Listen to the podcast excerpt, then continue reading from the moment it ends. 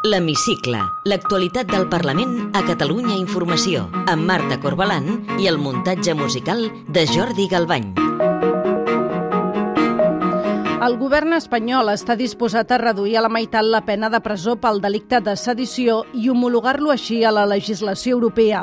La proposta l'hem coneguda aquesta setmana coincidint precisament amb el cinquè aniversari de l'aprovació al Parlament de la Declaració d'Independència de Catalunya. En parlarem amb l'expresidenta Carme Forcadell, que va dirigir els plens més rellevants i tensos del procés, i també amb qui va ser el lletrat major de la cambra el 2017, el jurista Antoni Bayona. Avui entrevistem també el portaveu d'en Comú Podem al Parlament, David Cid. Benvinguts a l'Hemicicle. Cinc anys després, l'expresident de la Generalitat, Carles Puigdemont, assegura que la declaració d'independència continua vigent, tot i que no es va arribar a desplegar perquè el govern de Mariano Rajoy va suspendre l'autonomia de Catalunya. La no aplicació immediata dels efectes polítics de la declaració d'independència no n'anula la seva vigència, sinó que ens obliga a trobar la manera de desplegar-los, sigui des de les institucions autonòmiques o sigui des de les institucions republicanes. Cinc anys després, Puigdemont continua vivint a Bèlgica, on va marxar unes hores després d'aprovar-se la declaració d'independència. Per avançar cap a la desjudicialització del procés, el govern espanyol està disposat a reduir a la meitat la pena de presó per sedició, que ara mateix és d'un màxim de 15 anys. És un delicte que es va crear l'any 1822 i que ha quedat del tot desfasat, segons alguns juristes, que recorden que no existeix a la majoria de països europeus. El catedràtic de dret penal Josep Maria Tamar Marit ens ha explicat que hi ha altres delictes semblants, però amb penes molt més baixes. Per exemple, a Alemanya hi ha un delicte que és, el penal alemany, els delictes que comprometen la pau. No? Podria ser, podria encaixar, per exemple, una conducta que aquí seria sedició, però amb penes molt més baixes. Per exemple, hi ha un delicte bastant semblant amb aquest que té una pena de fins a dos anys. Tamarit creu que la reforma de la sedició tampoc evitaria que els exiliats acabessin entrant a la presó perquè alguns d'ells continuarien sent jutjats també per malversació de fons públics com el mateix Puigdemont. No oblidem que si la pena de què es parla ara és una pena que pot arribar fins a sis anys, no? Doncs eh, seguirien sent penes greus i, a més a més, hi caldria afegir probablement les de malbaratament. Una de les persones condemnades a una pena més alta de presó, a 11 anys i mig, va ser l'expresidenta del Parlament, Carme Forcadell, acusada de sedició. Hem conversat amb ella i també amb qui va ser el lletrat major del Parlament el 2017, el jurista Antoni Bayona, sobre com van viure aquells dies i també les seves reflexions sobre el futur. Nosaltres, representants democràtics del poble de Catalunya, en el lliure exercici del dret d'autodeterminació i d'acord amb el mandat rebut de la ciutadania de Catalunya, constituïm la República Catalana com a estat independent i sobirà de dret democràtic i social. Jo crec que va ser una victòria. Jo crec que va ser un acte de desbordament democràtic sense precedents. Jo sempre dic que és l'acte de desobediència civil més important des de la Guerra Civil o fins i tot l'acte de sobirania nacional més important des del 1714. Clar que va haver debilitats. No ens podíem imaginar de cap manera que la unitat d'Espanya passaria per sobre dels drets humans. És a dir, no vam preveure això. I jo la primera, i evidentment em vaig equivocar. I també jo crec, i a mi també em va passar, jo crec que també vaig confiar massa, no?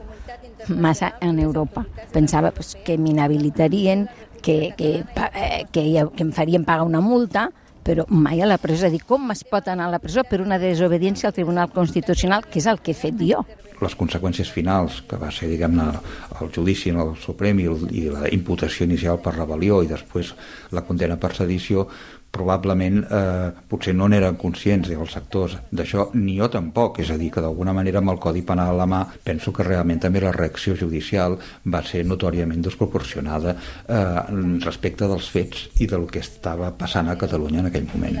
Van ser els dos pitjors dies que jo recordo la meva carrera professional perquè van ser complicats des del punt de vista professional, com a jurista estava en una situació que era una situació, diguem-ne, que, que desbordava, diguem, el sistema, el marc normatiu que, als quals nosaltres, els lletrats, tenim que assessorar i, a més, amb un entorn polític extremadament crispat. Mirant al futur. Los problemas de Cataluña no empezaron ayer, ni se van a resolver mañana. Precisamente por eso hemos coincidido en trabajar sin prisa pero sin pausa y sin plazos. Jo crec que tots els catalans i catalanes som escèptics amb la taula de diàleg, eh? és a dir, absolutament escèptics. Però jo sempre he dit no, que crec que uh, nosaltres hem de continuar tenint la bandera del diàleg. Hi haurà més resolucions segurament de la ONU, també, donant-nos la raó. Sortirà la nostra sentència del Tribunal Europeu de Drets Humans. És a dir, jo crec que el que hem d'estar és preparats hem d'estar més preparats per quan arriben aquestes oportunitats saber-les aprofitar. El que diu el tribunal diu no es poden fer referèndums el resultat del qual entri en contrast o en contradicció amb la Constitució. Si tu introdueixes l'element de la reforma constitucional dintre de la pregunta, eh, mm, el fas legal, el fas constitucional i a la vegada eh, políticament i socialment tens eh, saps que hi ha una majoria o no hi ha una majoria a favor de la independència el divorci entre Esquerra i Junts. Davant de la situació generada i la pèrdua de confiança política, els informo que he decidit cessar el senyor Jordi Puigneró i Ferrer com a vicepresident del Govern i conseller de Polítiques Digitals i Territori. D'unitat no n'hi ha hagut mai. Ah, és a dir, aquesta unitat sempre ha estat fictícia. Nosaltres vam saber trobar un objectiu comú que va ser a l'1 d'octubre i aquest objectiu comú va tapar les diferències, perquè quan l'objectiu comú és tan important, les diferències passen en un segon pla. Queda aprovada per 70 vots a favor, 10 en contra i 2 vots en blanc. Bon cop de defensors de la terra, bon cop de fals.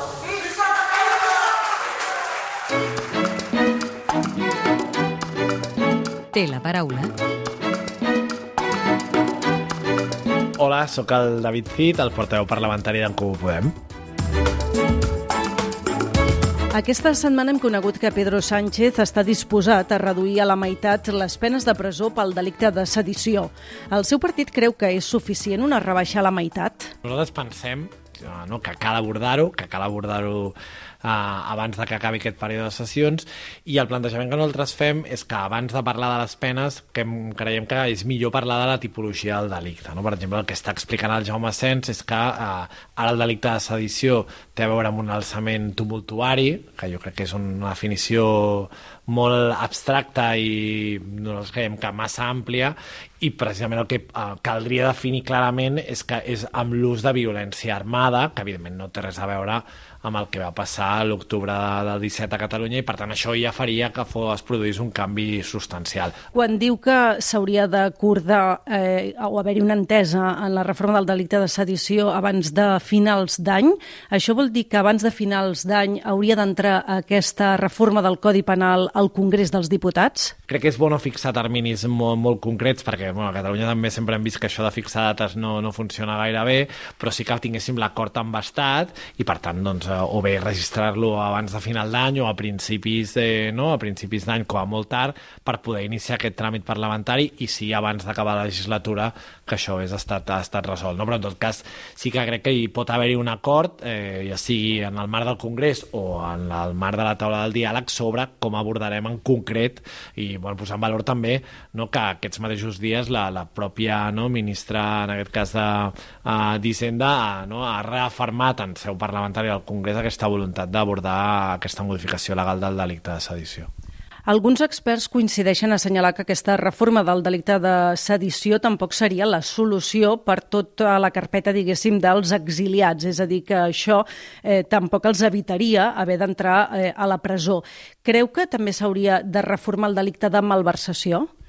Bé, jo crec que, òbviament, no? és a dir, això de formar part del, del debat de la, no? de la taula del diàleg, no hi ha el compromís d'avançar en aquesta fi de la judicialització de la política i aquí hi pot haver-hi diferents de modificacions. També en el seu moment també es va plantejar, s'ha d'abordar també, per exemple, el Tribunal de Comptes, no? per tant, aquí també no? en el seu moment van ser els indults i, evidentment, el que es tracta és no, d'anar resolent a no, situacions que nosaltres creiem que no haurien d'haver sortit mai de, de, de, del debat polític. Òbviament, segurament tothom ha de fer autocrítica, l'ha de fer, evidentment, eh, l'Estat, crec que també l'haurien de fer, evidentment, no? el que va passar, per exemple, aquests dies que estem no? al voltant de la data del 27 d'octubre, doncs també el que va suposar la declaració unilateral d'independència, però en tot cas hi pot haver-hi un abordatge no, des del terreny polític més enllà de les diferències de, de projectes o d'horitzons i no, evidentment, centrar-ho exclusivament a, a, no, a aquesta via judicial i, a, i evidentment, en la via de,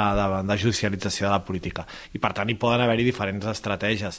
Aquesta setmana els pressupostos de l'Estat han superat el primer tràmit al Congrés, però els pressupostos de la Generalitat de moment mm, sembla que estan congelats.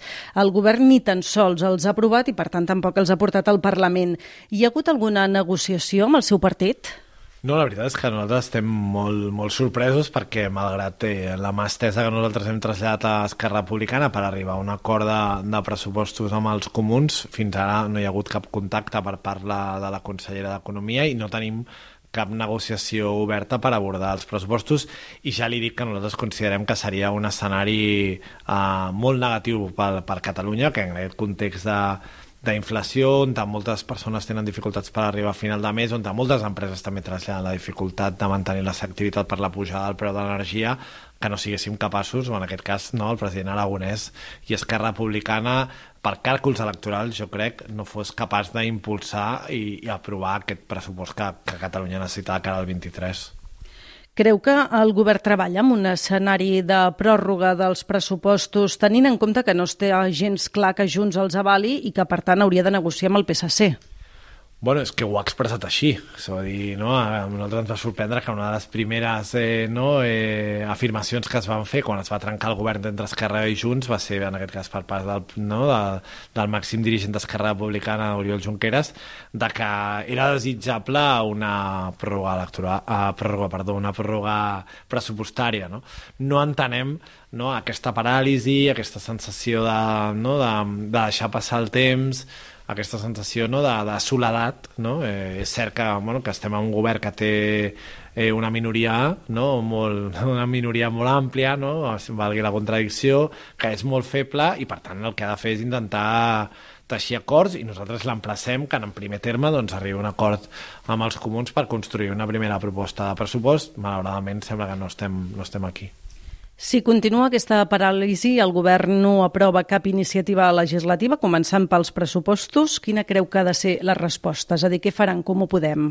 Nosaltres ho hem dit, anirem, anirem a, no, degut a aquesta manca de voluntat d'Esquerra Republicana d'arribar a acords, doncs anirem llei a llei, semblaria que si finalment no hi ha pressupost doncs eh, no, eh, estaríem en un govern que ja estaria pràcticament en temps de descompte no? I si no hi ha pressupost i el govern està en temps de descompte, això vol dir que creu que s'haurien de convocar eleccions o, si més no, si es presentés una moció de censura hi donarien suport? Jo crec que si no hi ha pressupostos, o sigui, aquí ha de fer una reflexió és el, el propi president i si té sentit eh, no, seguir governant, però en tot cas nosaltres no avancem escenaris, estem disposats a remengar-nos, estem disposats a, a seure, a parlar i a treballar. Aquesta setmana ha esclatat una nova crisi dins de Junts per Catalunya pel cas del diputat francès de Dalmases. Ha dimitit com a vicepresident del seu partit, però per ara manté l'escó al Parlament. Vostè ja va dir que és partidari que plegui també de diputat. Si no renuncia a l'escó, creu que almenys hauria de deixar la presidència de la Comissió Parlamentària d'Acció Exterior? Nosaltres creiem que si eh, Francesc Dalmases eh, no serveix per ser vicepresident de Junts, doncs no entenem per què serveix per ser, per ser diputat. Evidentment no, no té cap sentit eh, tampoc que continuï sent el president de, no, d'aquest cas de la, de la Comissió d'Exteriors, però és que nosaltres, de fet, el que pensem és que, que, hauria, que hauria de plegar, hi ha l'informe de la mateixa corporació de mitjans, hi ha l'informe també de, no, en aquest cas de Junts eh, encapçalat per, per Magda Duranic, per tant jo crec que els fets han quedat demostrats que, que són tal com es van explicar i com van succeir, no com els va explicar la presidenta Borràs ni el mateix diputat del Masses i per tant crec que, que, han, que han de plegar. Si li sembla bé, ens endinsem ara ja en el terreny més personal i li demano si pot contestar amb respostes al màxim de breu possibles. Amb quin diputat o diputada que no sigui del seu grup compartiria una sobretaula distesa? Bueno, sempre he dit que no, amb, amb Alicia Romero, però per posar un altre nom també amb, amb Raquel Sanz, per exemple. Està veient actualment alguna sèrie? Sí, estic veient Joc de Trons, la, no, en aquest cas la nova, la nova temporada. Recorda que volia ser de petit? pues, crec que bomber. Quina injustícia social l'enerva més? El frau fiscal. Com definiria la política catalana en una o dues paraules? Un galliner. Té algun plat preferit? Ah, l'arròs a la cubana. I ja per acabar, completi la frase següent. El que més m'agradaria del món és... Acabar amb les desigualtats. David Cid, portaveu del grup d'en Comú Podem al Parlament, gràcies per atendre'ns a l'hemicicle de Catalunya Informació. Gràcies a vosaltres. Podeu tornar a escoltar l'hemicicle al web catradio.cat barra hemicicle o al podcast del programa i seguir l'actualitat del Parlament al perfil de Twitter arroba L-hemicicle.